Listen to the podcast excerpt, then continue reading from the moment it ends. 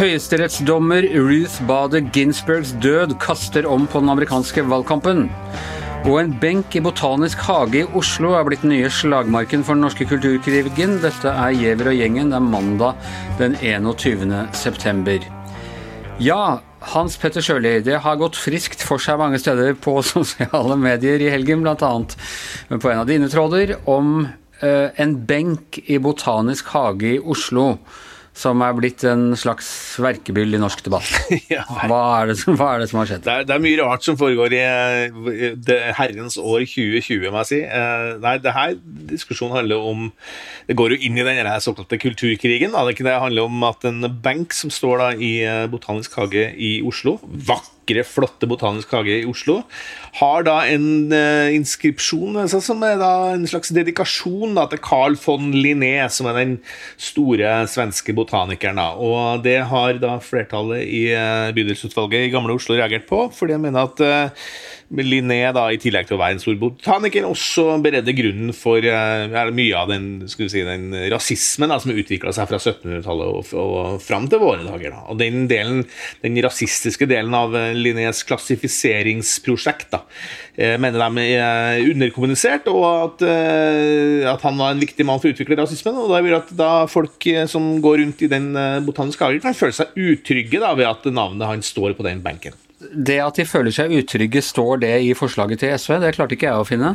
Nei, men det er jo en del av tolkninga. Det er en del av det, det, intervjuet med de forslagsstillerne etterpå som har, har kommet fram til det. Da. Det som er Poenget her er ikke at du skal fjerne benken, men det er altså det å fjerne den signaturen da, av Linné.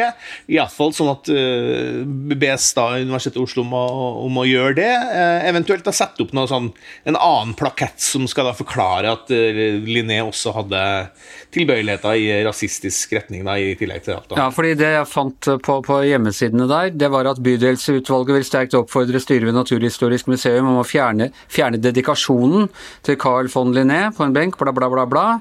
Uh, og at uh, oppfordre på det sterkeste til å opplyse om begge sider av Linnés vitenskapelige historie. Ikke bare botaniker, men altså arbeid med å systematisere og klassifisere mennesker etter uh, farger.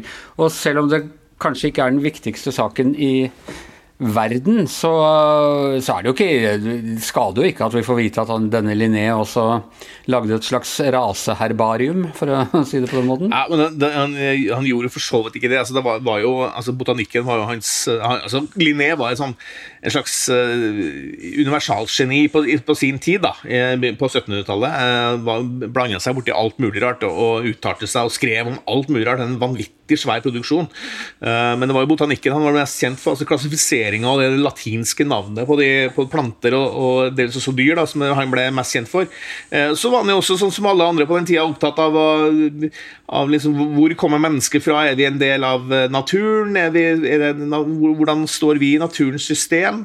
Uh, og da var det sånn som veldig mange på den tida da, også prøvde å klassifisere da, menneskeartene da, mot, hverandre. Uh, og det, der kan du si at uh, han skrev en del ting som, som jo i dag vi kan bare le av og også grøsse litt av. Da. Men, men det er jo sånn som, sånn som eh, Dag Hessen, som skrev en, en, ganske god bok om han for noen år siden, skriver at vi kan ikke på en måte harselere over 1700-tallets naturvitenskapelige naivitet. fordi man visste jo så utrolig lite om hvordan verden fungerte. Eh, og De visste f.eks. ingenting om genetikk eller arvemateriale. og den slags, så, så at, Å se det med dagens øyne blir litt merkelig. da, eh, kan vi si, og, og det med rasismen er ikke det hoved, noe hovedpoeng hos, uh, hos Linné. Det er det ikke. Altså. Eh, Roar Hagen, det er du og Hans Petter som skal kommentere dette hos oss. Hvordan, hvordan kommenterer du det? Ja, altså, for meg er jo dette det, det glade vanvidd. Og, og, hvis det er noen som skal ha en plakett på Botanisk museum, så må det jo være Carl von Linné. Han er jo botanikken. Hvem andre skulle ha en benk på Botanisk hagen? Carl von Linné. Ja, Finn sjøl eventuelt, da. ja, Finn sjøl kunne vi hatt. Men det er jo slik at han, eh, han var jo farga av sin tid, og han var i opposisjon til kirken. Fordi at han så mennesket en biologisk eh, som et pattedyr, som en ape eller hva som helst. Så han var jo forløper for Darwin, Så han var jo en slags radikaler da, i sin tid. Men hvis han har vært så, så øh, viktig for den moderne rasetenkningen som jo da fulgte i århundret etterpå, er det så farlig om det opplyses om det òg på denne lille plaketten? Jeg har gått masse i Botanisk hage, har aldri lagt merke til den plaketten, men øh, Nei, det må nå gjerne det, hvis det har noe med, med botanikken å gjøre, for så vidt, så må det gjerne det. Men dette er jo en internasjonal trend, da, hvor du får nye renhetskrav, hvor folk som levde i fortida og gjorde store ting, skal dømmes ut fra datiden, altså nåtidens eh, moralske standard osv. Da, da kan vi ikke ha noen på statue noe sted. Så hvis, hvis, hvis eh, kampen mot rasisme skal liksom gjøre seg til latter, så må en drive med sånn som dette. man kan le av det, og det går jo inn i, i hele denne her, øh, debatten om hvem man setter på, på, på sokler. Men øh, samtidig sånn jeg jeg tenker at En del av øh, denne sokkeldebatten går jo også på egentlig bare at uh, greit nok, Churchill vi, Det gjør jo ikke noe om vi får vite litt mer om han. Om han eller uh, botanikere eller hvem som helst. At vi får vite at de også spilte inn på, uh, på den måten. Er ikke det en grei sak, Hans Petter? Jo, altså som historiker så, utdannet historiker så må jeg jo si at jeg, jo, jeg syns jo den påstanden om historieløshet blir litt dum. fordi at vi, eh, historiefagets eh, rasjonale handler jo hele tida om å vurdere historia på nytt og skrive historia på nytt. Det er jo hele poenget med det faget. ikke sant? Eh, og, og vi, vi, leser, vi, lærer jo nye ting hele tida. Vi, vi, tolker historia på en helt annen måte. Men spørsmålet er liksom om hvorvidt Uh, om vi skal liksom uh, altså Vi kunne skrevet om, om Linné, for, for, eksempel. Han hadde jo helt uh, ganske friske formuleringer om, om kvinnen også. han skrev har, har ut, utledninga om kvinnens seksual uh, skal vi si, hennes blomstring av visning, som også er ganske håpløs i dag. Og, og det betyr at uh, vi kan ikke bare liksom altså Det er så mye med den, den, gamle vitenskapen som kan dras fram i alle sammenhenger, så vi må på en måte forstå det ut fra sin samtid. Og vi må forstå at hadde Carl von Linné levd i dag, så hadde han jo naturligvis ikke vært noe rasist på noe vis. Altså, det var jo det, det er en annen verden, og det, det, var sånn de tenkte den gangen. Og det er jo interessant i seg sjøl. Altså, for, for meg som satiriker så er jo dette et, et, mønster som brer seg nå med krenkelseskultur og alt mulig, som, som gjør det veldig vanskelig og det er akkurat som en ny inkvisisjon som benker seg og innfører nye renhetskrav som gjør at nesten ingen slipper gjennom. Og, og da blir det trangt og vanskelig og ufritt. Og eh, altså en, en, respons på Linné kunne jo være å ha et seminar i regi av Oslo universitet. som skulle drøfte disse tingene med hans holdninger osv. Men å fjerne benker til plaketter og rive ned statuer, så er jo helt vanvittig. Det er jo et poeng, for så vidt. Altså, det kan jo si at uh, Vi kan ha det litt moro med det her uh, overspente kulturkrigen, da, men, men, det er jo moro også at eller, Hvis det her kan føre til en større skal vi si, forståelse rundt eh, hvordan vitenskapen for har utvikla seg, og f.eks. med seminarer eller andre ting, så sier jo det bra. Da. Så, så, så, sånn sett kan, trenger vi ikke å høvle ned alle sånne forslag heller, fordi det jo, kan jo på en måte føre til mer større innsikter. og Det er mener også med statuedebatten av og til. Altså at, at, vi bare avviser og sier at det her er bare, bare tull. Så, så forstår, forstår, vi ikke at vi, at vi, faktisk kan lære ganske mye av det som, som skjer. da, ikke sant? Ja, Vi må føre det inn i en ny samtale. Det, det er noe det positive, det er konstruktivt, og det kan føre et sted. Vi må ikke innføre nye renhetskrav og puritanisme. Som, eh, som, som, som, stenger for fantasi og fri utfoldelse. Nå ser jeg at eh, jeg har prøvd å finne ut eh, hvor dette med utrygg kommer fra. Det er en påstand i, i Krono, men det er ingen som er direkte sitert på det. Men Krono hevder altså at bydelsutvalget for SV mener at denne benken skaper en utrygg atmosfære i Botanisk hage. Ja, det er jo litt sånn, Noen, noen, noen kanskje syns at det er litt morsom eh, formulering. da, altså det er, Den Artikkelen i Krono er jo også litt feilaktig, for den står også at benken skal fjernes. Det skal den ikke, altså, så det er bare den inskripsjonen. Men, men det, er jo, det er jo, Roar har jo rett i at det her er jo det, inngår, det er jo mye rart som skjer på det, på, i 2020, med politikere som blander seg inn og skal ha meninger om mye rart. Altså, så for eksempel at, eh, for I forhold til den filmen 'Cuties', som er blitt en sånn snakkis på Netflix, så har da Sylvi Listhaug rykka ut og sagt at den filmen da glorifiserer eller oppfordrer pedofili og bør da fjernes fra, fra Netflix. At, det, at, politikere skal ut og mene og sensurere og holde på sånn. Kan ikke de bare holde på med det de skal gjøre, og så får andre ta seg av debatten, den generelle samfunnsdebatten om, om andre er jo, Politikerne skal jo skape et trygt samfunn, eh, Hans Petter, og hvis det blir utrygt på, både på Netflix og Men, men problemet med Listhaug i den sammenheng er at du har jo ikke sett filmen heller. Nei. Jeg må jo få sende en, en tanke til alle de flotte kvinnene og, og jentene som har bærer navnet Linnea. Hva med de nå? Det er jo tusenvis som har et som er opp, Det er jo etter Carl von Linné og blomsten Linnea. For de er oppkalt etter han, ja. Så det, det, det, berører jo veldig mange, dette her, som kanskje ikke har tenkt Det blir mye å rydde opp i både i strømmetjenestene og i eh, de botaniske hagene eh, fremover. Det er det ikke noe tvil om. Da skal vi spille vår nye vignett.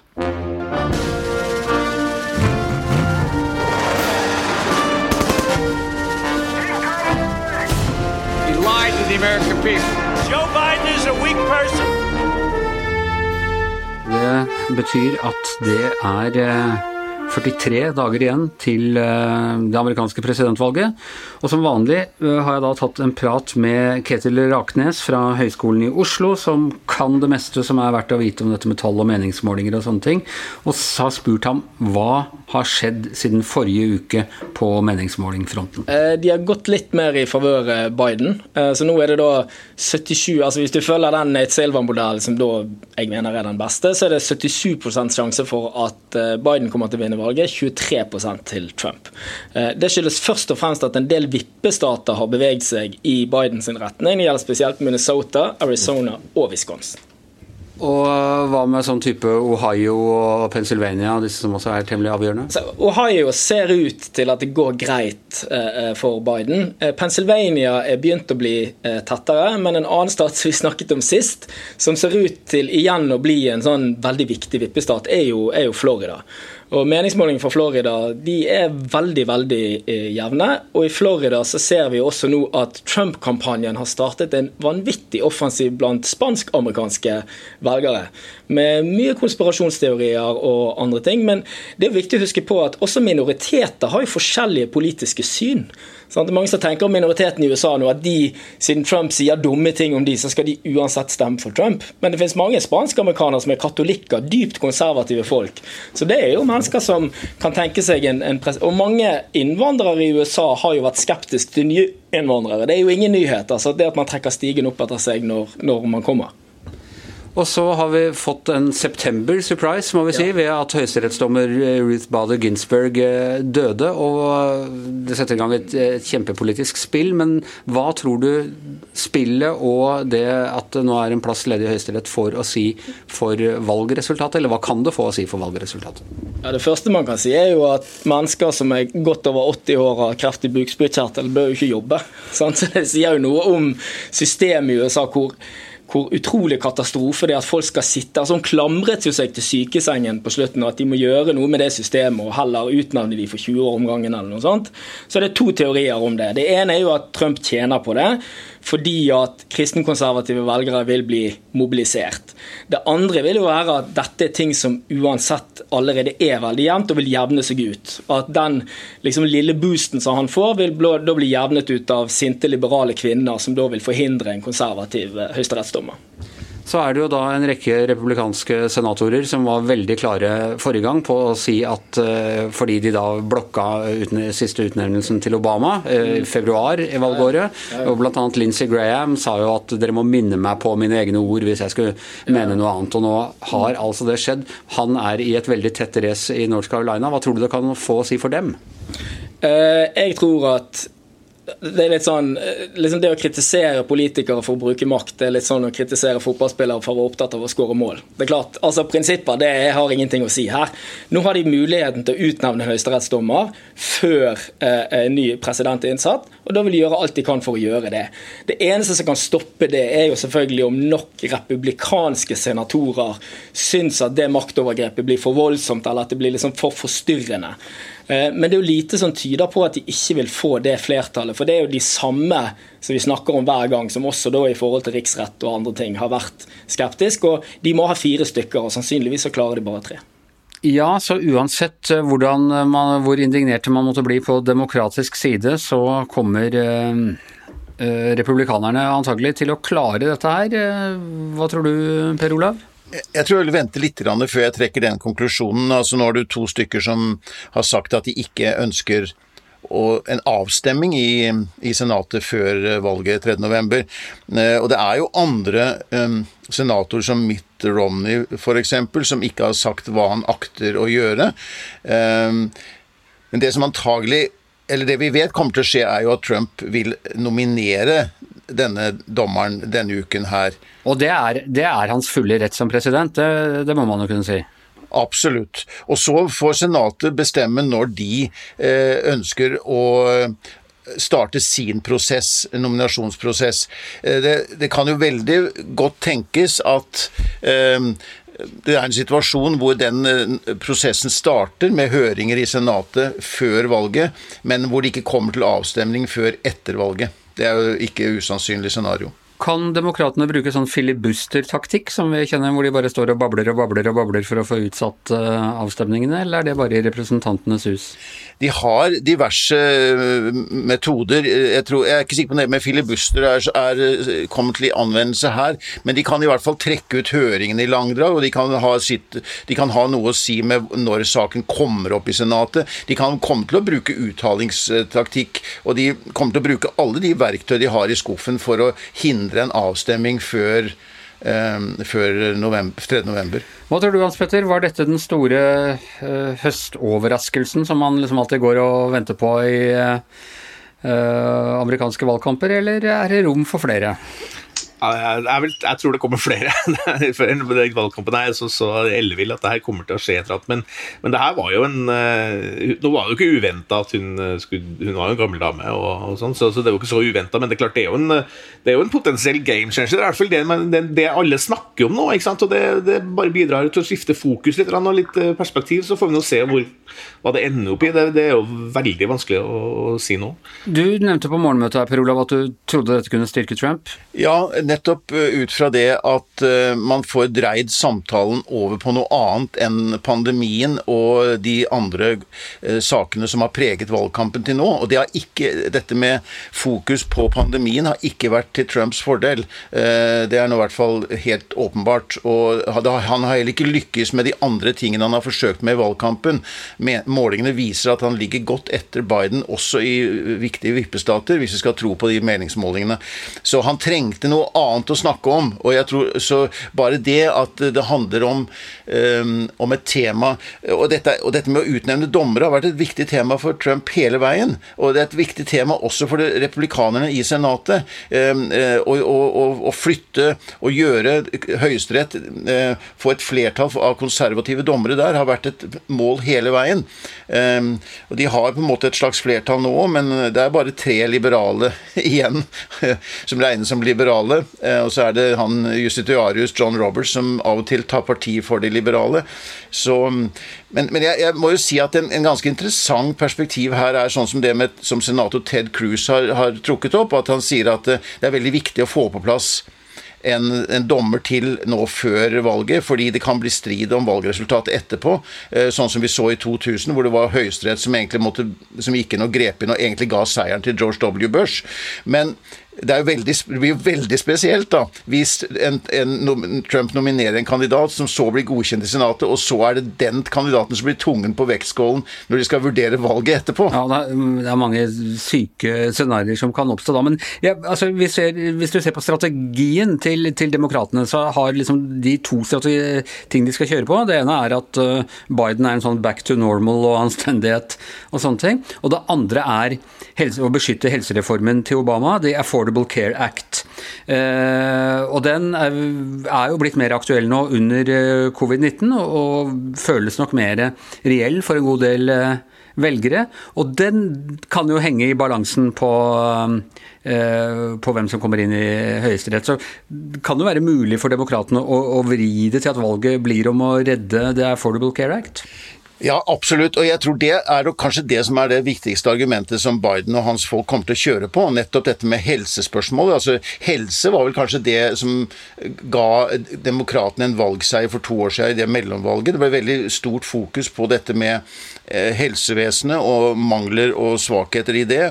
Og, også, og Obamacare er popul er populært. Altså, det er, det er noe som, og det, er, det står faktisk på Høyesteretts dagsorden. Det skal opp nå senere i høst. Eh, fordi det har jo vært da forsøk på å si at eh, det ble innført eh, Det er ikke, det er ikke, det er ikke lovmessig innført, og det, og det, kan, og skal, skal, må avvikles for at det er det er svakheter med den lovgivningen som gjør at den ikke holder uh, vann. Og, da, og, Hvis uh, den blir av, så vil mange millioner amerikanere miste sin uh, helseforsikring. Så det er, det er, helt konkrete ting som står på spill. og det, kommer, det, vet vi kommer opp senere i høst. Hva tror du, Hans Petter? Ja, Det spørs litt hva du spør om. Altså Hva tror du om benken i Nei da.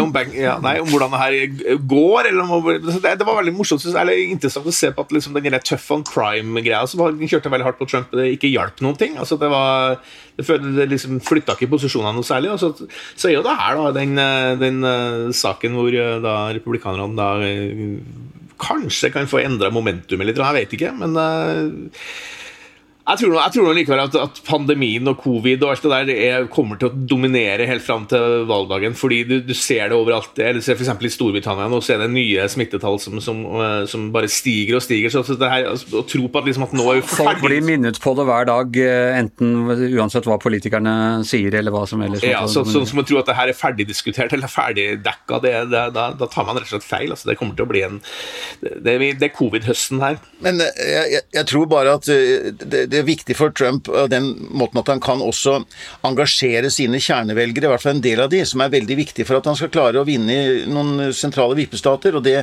det er evangelikale kristne, altså konservative kristne velgere. De er veldig opptatt av dette med dommere og med Høyesterett, fordi man ser for seg at man har en mulighet for å få omgjort eh, abortlovgivningen i USA, altså Roe versus Wade eh, som, fra 1973, som ga selvbestemt abort. Det er én ting. Og så, så Trumps løfter til den velgergruppen, både når det gjelder Israel, men også når det gjelder dommere, når det gjelder rettsvesenet i USA, er, veldig viktig. Så, og det har vært kanskje en viss tendens til at noen av de velgerne ikke har vært så sikre på om de skulle stemme på Trump denne gang. Dette er en sånn mobiliseringssak for dem, og det er veldig viktig, tror jeg. Samtidig må man jo si at er det noen som har fått innfridd sine forhåpninger, så er det nettopp de evangelisk kristne som stemte på Trump forrige gang. De valgte å se bort fra hele den der Pussygate-saken, som må ha vært litt vond for dem. Og han har levert republikanske dommere Eh, i et bankende Eller konservative dommere, da, i et bankende tempo. Så eh, jeg vil tro at den gjengen allerede var sikret. De holder seg for nesa og, og stemmer Trump, men det skal fram kanskje ikke noen nye velgere, dette her. Og det er jo det denne valgkampen står veldig mye om. Hvem klarer man å, å vitalisere av hjemmesittergruppene? Ja, og det, det, kan jo virke på andre, andre siden også at dette får det liberale velgere til virkelig å se hva som står på spill. Eh, så, så det er nok en mobiliseringssak for begge sider. Men eh, min første tanke var at dette var til Trumps fordel, nettopp fordi at det også får samtalen til å handle om noe annet enn det det har gjort de siste ukene. Trump har jo da lovet en kvinnelig dommer. Det skal bli veldig spennende å se hvem han eh, lanserer, nesten uansett hvordan dette går. Ok, det var Giæver og gjengen for i dag. Takk til Ketil Raknes fra Høgskolen i Oslo, hvert sitt hjemmekontor. Roar Hagen, Per Olav Ødegaard, Hans Petter Sjøli, jeg heter Anders Giæver, og mannen som redigerer det hele fra en benk i Botanisk hage, er produsent Magne Antonsen. Vi høres igjen i morgen.